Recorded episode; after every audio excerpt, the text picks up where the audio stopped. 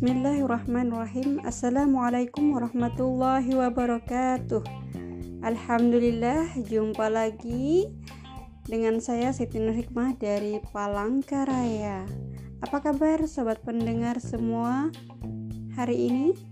Semoga tetap semangat, sehat walafiat, lancar rezekinya dan Allah ijabah segala yang dihajatkan serta lancar terus ibadah puasanya ya. Oke, hari ini kita akan mengulas tentang tips menulis yaitu bagaimana caranya menulis itu jadi semudah bercerita.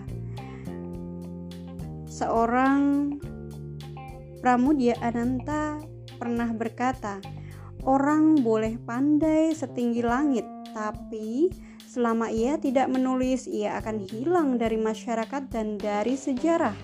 Menulis adalah bekerja untuk keabadian. Sungguh kata bijak Pak Prudia Anantatur tersebut menohok hati saya. Segudang prestasi dan capaian sekalipun jika kita malas menulis tentu ia hanya akan menjadi angin lalu saja. Namun, berbeda halnya bila kita mampu menuangkan segala kenangan berharga dalam rangkaian tulisan yang menantinya akan senantiasa dibaca oleh ribuan orang. Bahkan jika tulisan-tulisan karya kita mampu memberikan inspirasi, semangat, dan ilmu yang bermanfaat, itu akan menjadi tabungan pahala jariah buat kita.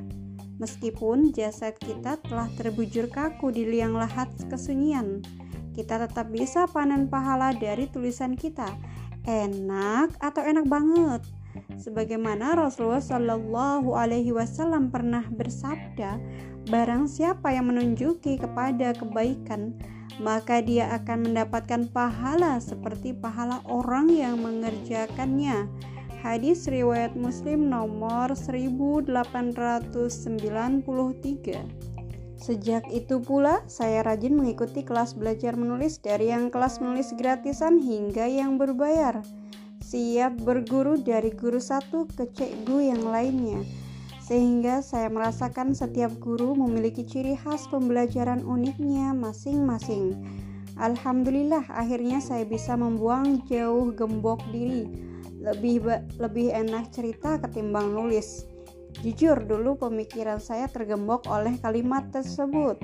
Mindset saya pun berubah setelah ikut pelatihan menulis. Menulis itu jadi mengasihkan. Oh iya, apakah ada dari sobat di sini yang mengalami hal serupa dengan saya? Untuk mengecek apakah pemikiran kita tergembok atau tidak, boleh jawab pertanyaan berikut. Pertama, apakah Anda sulit mendapatkan ide menulis? Apakah Anda sulit memulai tulisan? Apakah Anda bingung menentukan arah pembahasan?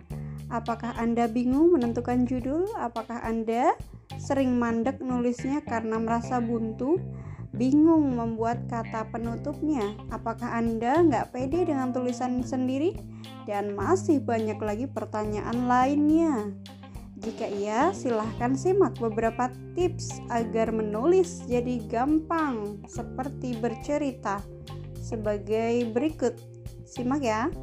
Yang pertama, di mana pun Anda berada, jika terlintas ide untuk menulis, segera catat dan tuangkan. Ide bisa muncul saat kita sedang menonton film, melihat peristiwa alam, mendengar celoteh anak, merasakan peristiwa berkesan, Mendengar penjelasan mentor, terkadang sedang di kamar mandi pun ada saja ide yang muncul. Lagi masak, lagi mencuci pakaian, sedang bercengkrama dengan pasangan, membaca buku, dan sebagainya. Yang kedua, fokuslah menuangkan ide hingga semuanya tertulis. Ini bertujuan agar ide-ide yang berseliweran di benak kita bisa ditangkap sepenuhnya. Biarkan ia mengalir apa adanya dulu. Dan ini pula salah satu tips jitu dari penulis-penulis kondang. Yang ketiga, hindari mengedit tulisan jika ide di kepala sedang derasnya mengalir. Ini bisa terjadi pada para penulis pemula, belum rampung tertuang idenya, sudah langsung edit saja. yang terjadi malah memecah konsentrasi aliran ide kita. Siapa nih yang masih sering nulis sambil ngedit? Ayo ngaku. Dan yang keempat, tipsnya adalah editlah tulisan setelah semua ide rampung dituliskan baik mengedit ejaannya, paragrafnya, tanda bacanya, alurnya, hingga artikel siap di-share. Proses edit tulisan menjadi hal yang tak bisa dipandang remeh. Hal ini serupa dengan aktivitas penyajian masakan. Seenak apa pun masakan kita, jika kita sajikan dengan ala kadarnya tentu akan biasa saja. Tetapi bila tulisan kita sudah oke, okay, lalu peletakan tanda baca, ejaannya hingga alurnya pun tepat, pastinya akan menjadikan tulisan kita mudah dipahami dan pesan yang terkandung pun mudah dicerna. Bahkan ada yang terngiang selalu dengan gaya kepenulis kepenulisan kita.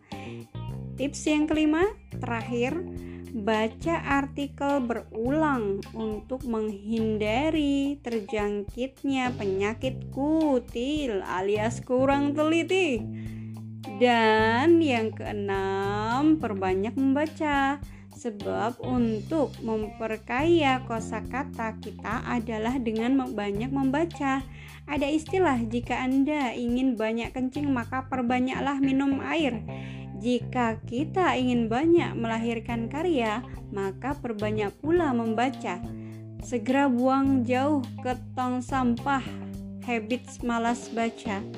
Dari pengalaman pribadi tersebut, akhirnya saya mencoba menularkan ke sahabat yang punya niat kuat ingin belajar menulis.